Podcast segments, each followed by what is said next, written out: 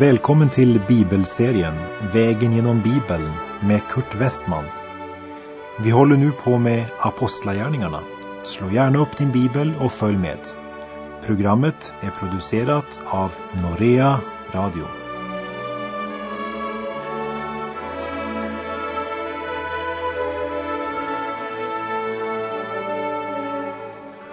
Vi fortsätter vägen genom Bibeln och har nu kommit till Apostlagärningarnas sjätte kapitel där temat är utväljandet av diakoner och från vers 8 Stefanus arrestation.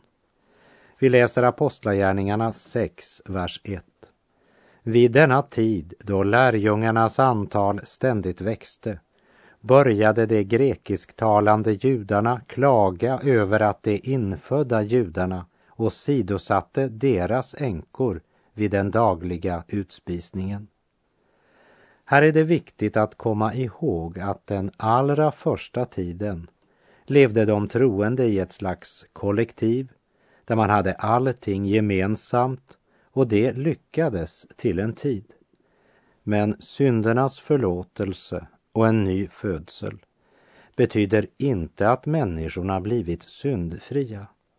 Och det dröjer därför heller inte länge förrän de första relationsproblemen uppstår.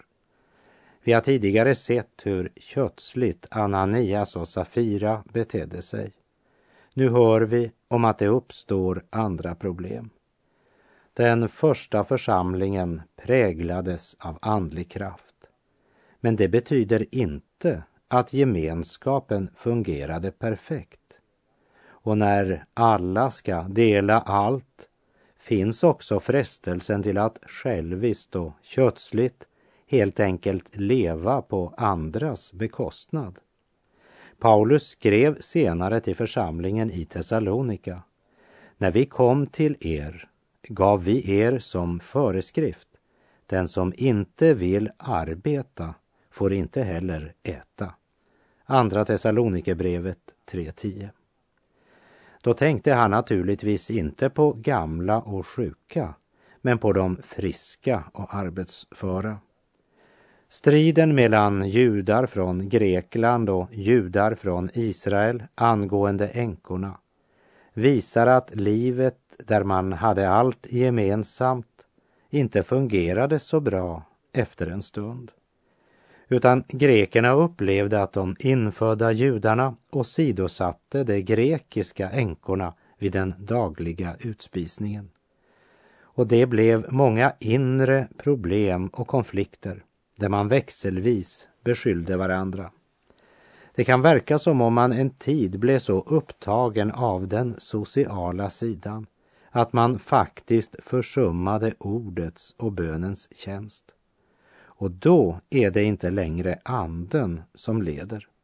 Och det inser apostlarna snart och vi läser verserna 2 till och med 4. De tolv kallade samman alla lärjungarna och sade Det är inte riktigt att vi ska försumma Guds ord för att ordna med måltider. Nej, bröder, välj ut sju män bland er som har gott anseende och är fyllda av ande och vishet, så sätter vi dem till sådana uppgifter då kan vi själva ägna oss helt åt bön och åt ordets tjänst. De sju männen utsågs på grund av den kris som uppstått. Jesu uppdrag till apostlarna var att förkunna evangeliets budskap i Jerusalem, i hela Judeen och även i Samarien. Det vill säga, även bland sådana som man kanske inte naturligt kände lust att ha någon närmare gemenskap med.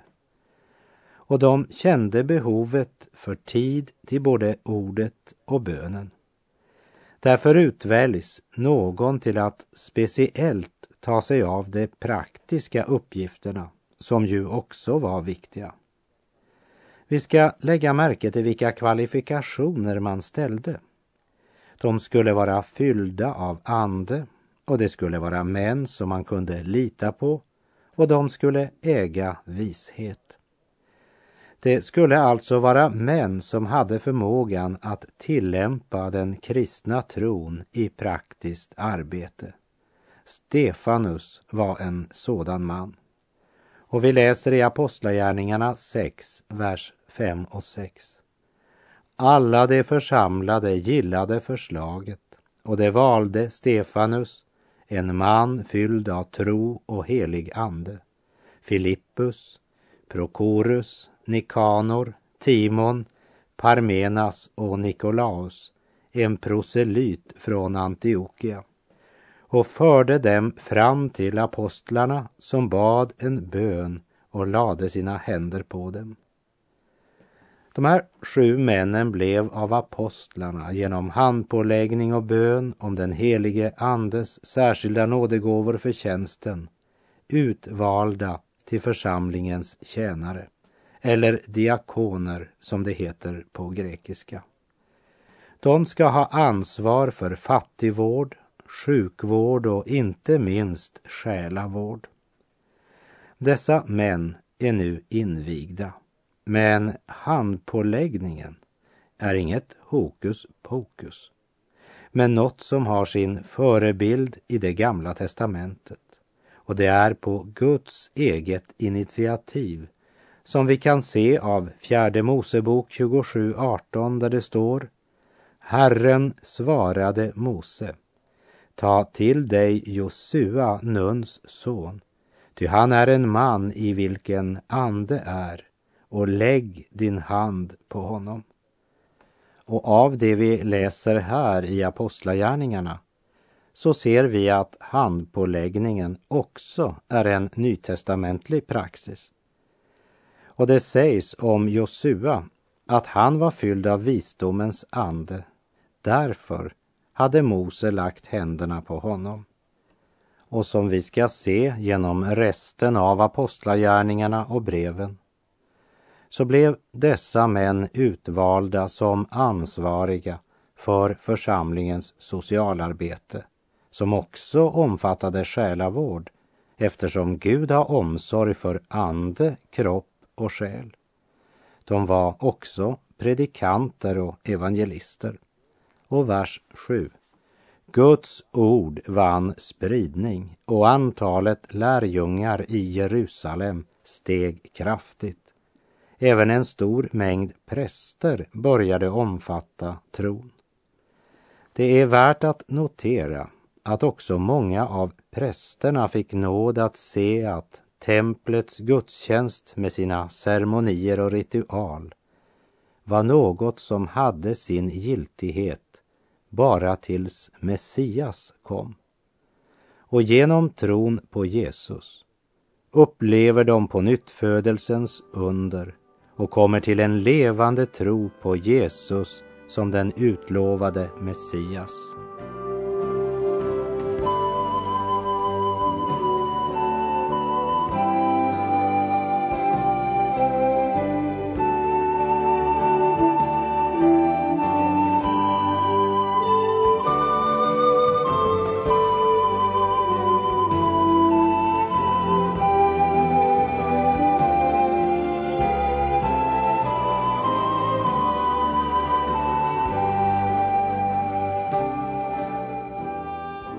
När vi nu kommer till vers 8 i Apostlagärningarnas sjätte kapitel så handlar det alltså om den tredje konfrontationen med judarnas religiösa ledare och den judiska överheten.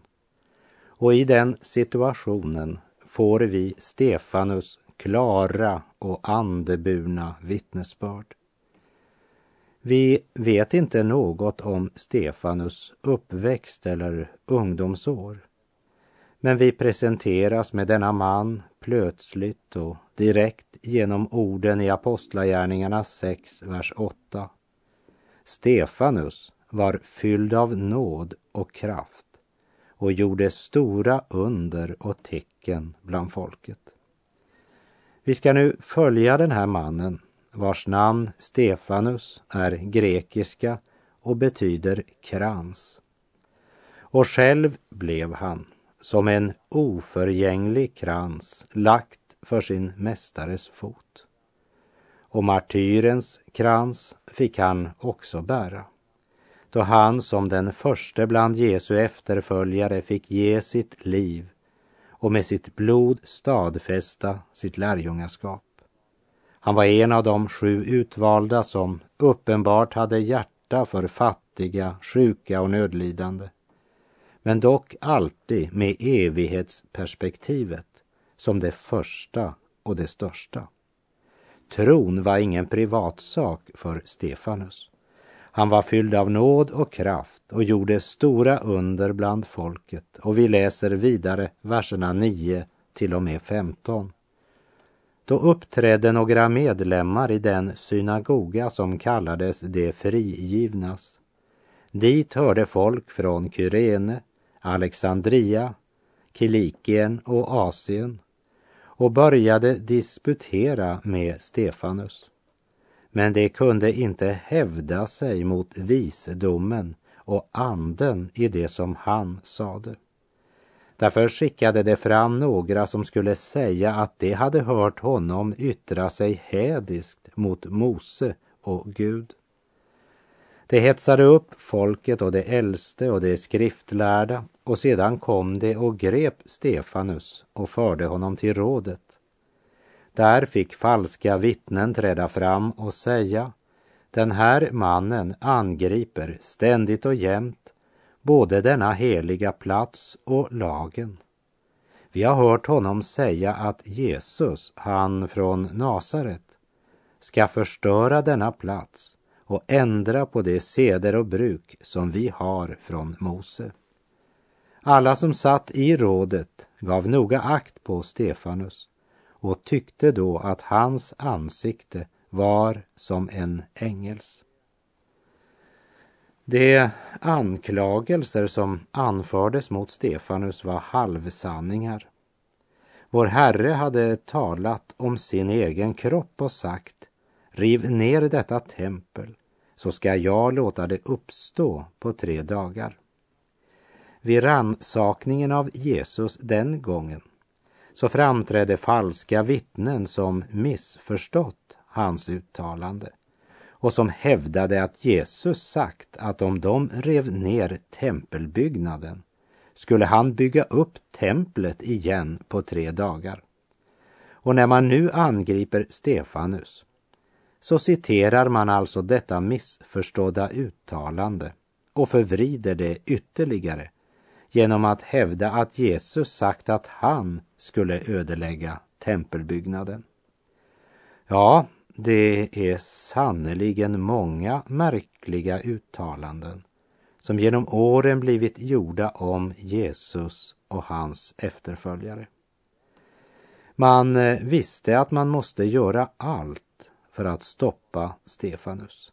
För han var ju full av ande och kraft. Och är det något de religiösa fruktar och hatar så är det sådana. Och när vi nu kommer till kapitel 7 ska vi se att Stefanus tal inför Stora rådet är egentligen inte ett försvarstal utan en redogörelse för Israels historia. Han anklagade dem som Jesu mördare. Och vi läser Apostlagärningarna 7, verserna 1 till och med 3. Översteprästen frågade, är detta sant? Stefanus svarade, bröder och fäder, lyssna på mig.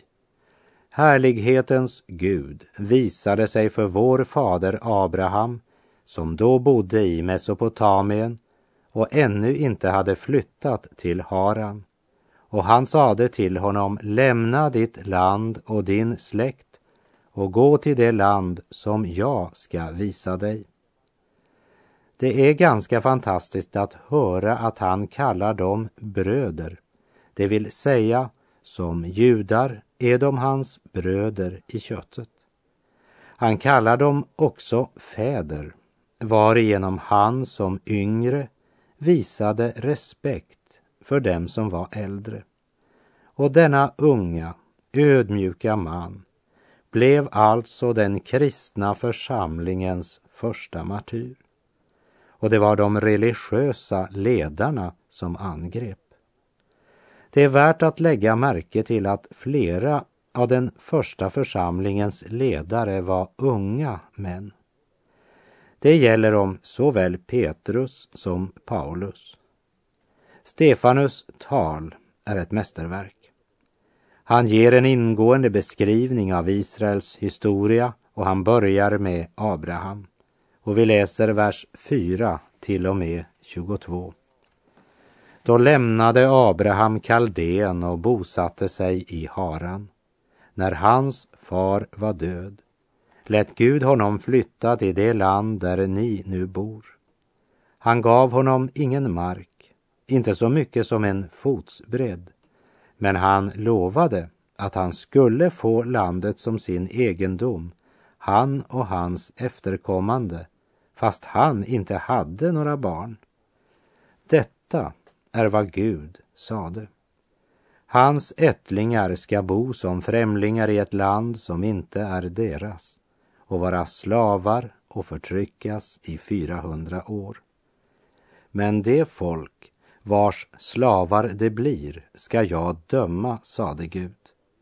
Och sedan ska de dra ut ur landet och dyrka mig på denna plats. Och han upprättade med Abraham det förbund som har omskärelsen som tecken. Så blev Abraham far till Isak och omskar honom på åttonde dagen. Och Isak blev far till Jakob och Jakob till de tolv stamfäderna. Stamfäderna greps av avund mot Josef och sålde honom till Egypten. Men Gud var med honom och hjälpte honom ur alla svårigheter. Han gav honom vishet och lät honom komma i gunst hos farao, den egyptiske kungen. Och denne satte honom att styra Egypten och sköta hans förvaltning. Emellertid drabbades hela Egypten och Kanan av hungersnöd och svåra lidanden och våra fäder kunde inte skaffa sig mat. Men Jakob fick höra att det fanns brödsäd i Egypten och skickade dit våra fäder, först en gång och sedan en gång till.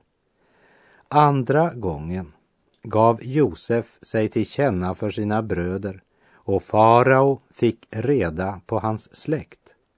Josef sände då bud efter sin far och hela hans familj på 75 personer. Och Jakob drog ner till Egypten.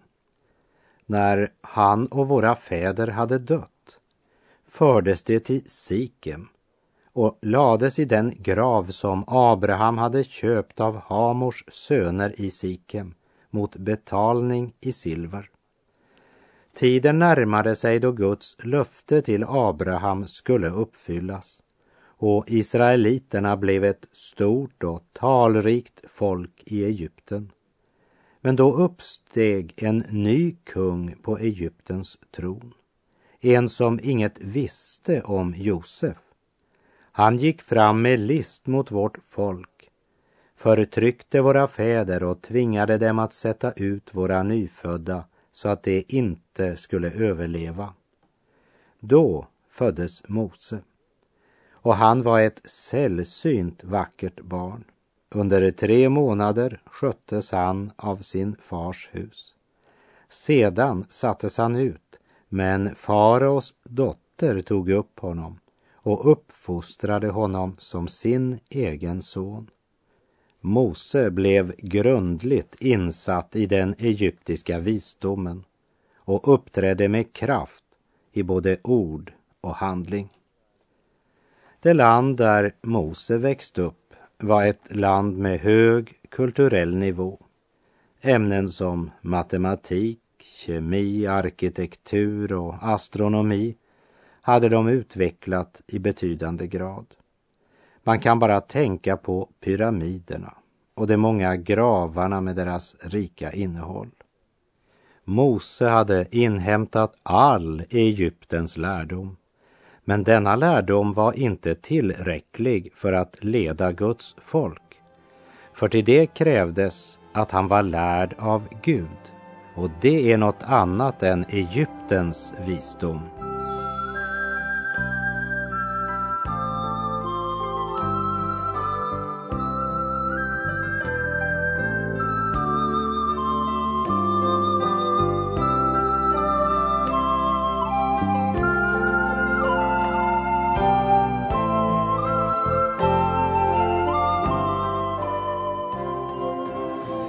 Läser verserna 23 till och med 34. När han var 40 år föddes den tanken hos honom att han skulle besöka sina bröder israeliterna. När han då fick se hur en av dem blev misshandlad skyndade han till hans hjälp och gav honom upprättelse genom att slå ihjäl Egypten. Han trodde att hans bröder skulle förstå att Gud ville rädda dem genom honom. Men det gjorde det inte. Nästa dag kom han dit just som ett par av dem hade råkat i gräl. Han försökte försona dem och sade Ni är ju bröder. Varför gör ni varandra illa? Men den som hade angripit sin landsman stötte undan Mose och sade Vem har satt dig att vara ledare och domare över oss? Tänker du döda mig som du dödade Egyptiern igår? Vid de orden flydde Mose och han levde sedan som främling i Midjan där han blev far till två söner. När 40 år hade gått visade sig en ängel för honom i öknen vid berget Sinai i en brinnande törnebuske. Mose häpnade över synen och när han gick fram för att se efter vad det var hördes Herrens röst. Jag är dina fäders Gud, Abrahams, Isaks och Jakobs Gud. Då darrade Mose av skräck och vågade inte se efter. Men Herren sade till honom, ta av dina sandaler, ty platsen där du står är helig mark. Jag har själv sett hur mitt folk förtrycks i Egypten. Jag har hört deras suckar och jag har stigit ner för att befria dem. Kom, jag ska sända dig till Egypten. Herren hade alltså hört deras nödrop och just därför ville han befria dem. Herren såg också vår nöd och därför sände han oss, frälsaren. Det var inte för att vi var ett underbart folk utan hopplösa syndare som var räddningslöst förlorade om ingen betalade vår skuld. Han älskade oss trots att vi ingenting var att älska. Och vers 35. Denne Mose, som de hade avvisat med orden, vem har satt dig till ledare och domare? Honom sände Gud att vara både ledare och befriare när han lät ängeln visa sig för honom i törnbusken. Lägg märke till att Mose blev insatt i sitt uppdrag genom en ängel. Både i övergången mellan det gamla förbundet och det nya och även i den första nytestamentliga tiden sände Gud flera gånger sina budskap genom änglar. Till exempel ängeln som uppenbarade sig för Sakarias i Lukas 1.5 och följande eller ängeln som kom till Maria i Lukas kapitel 1 från vers 26 och följande. Vi fortsätter och läser vidare i Apostlagärningarna 7, vers 36 till och med 53. Det var Mose som ledde deras uttåg och som gjorde under och tecken i Egypten och i Röda havet och öknen under 40 år.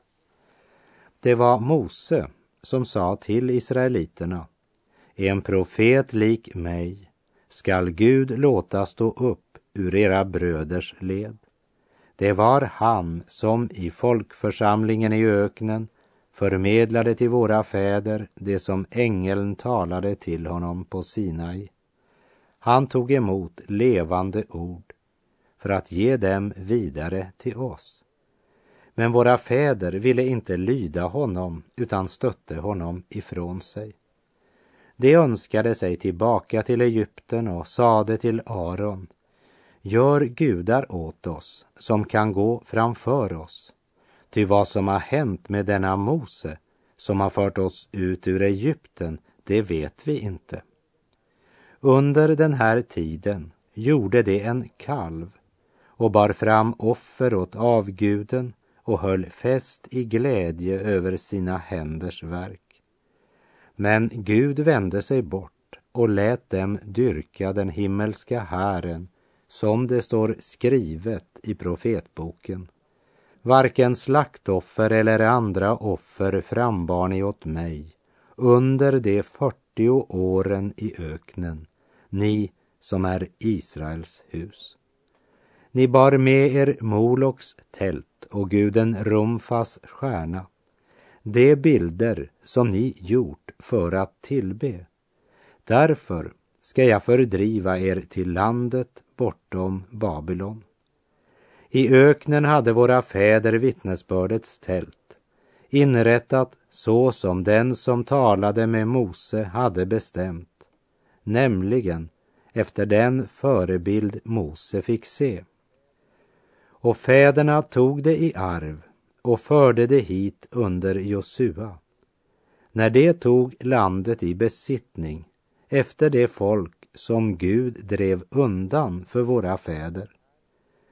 Här stod det till Davids tid och David fann nåd inför Gud och bad att han skulle få finna en boning åt Jakobs Gud.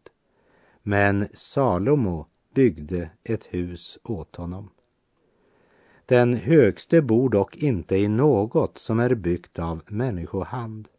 Som profeten säger, himlen är min tron, jorden är en pall för min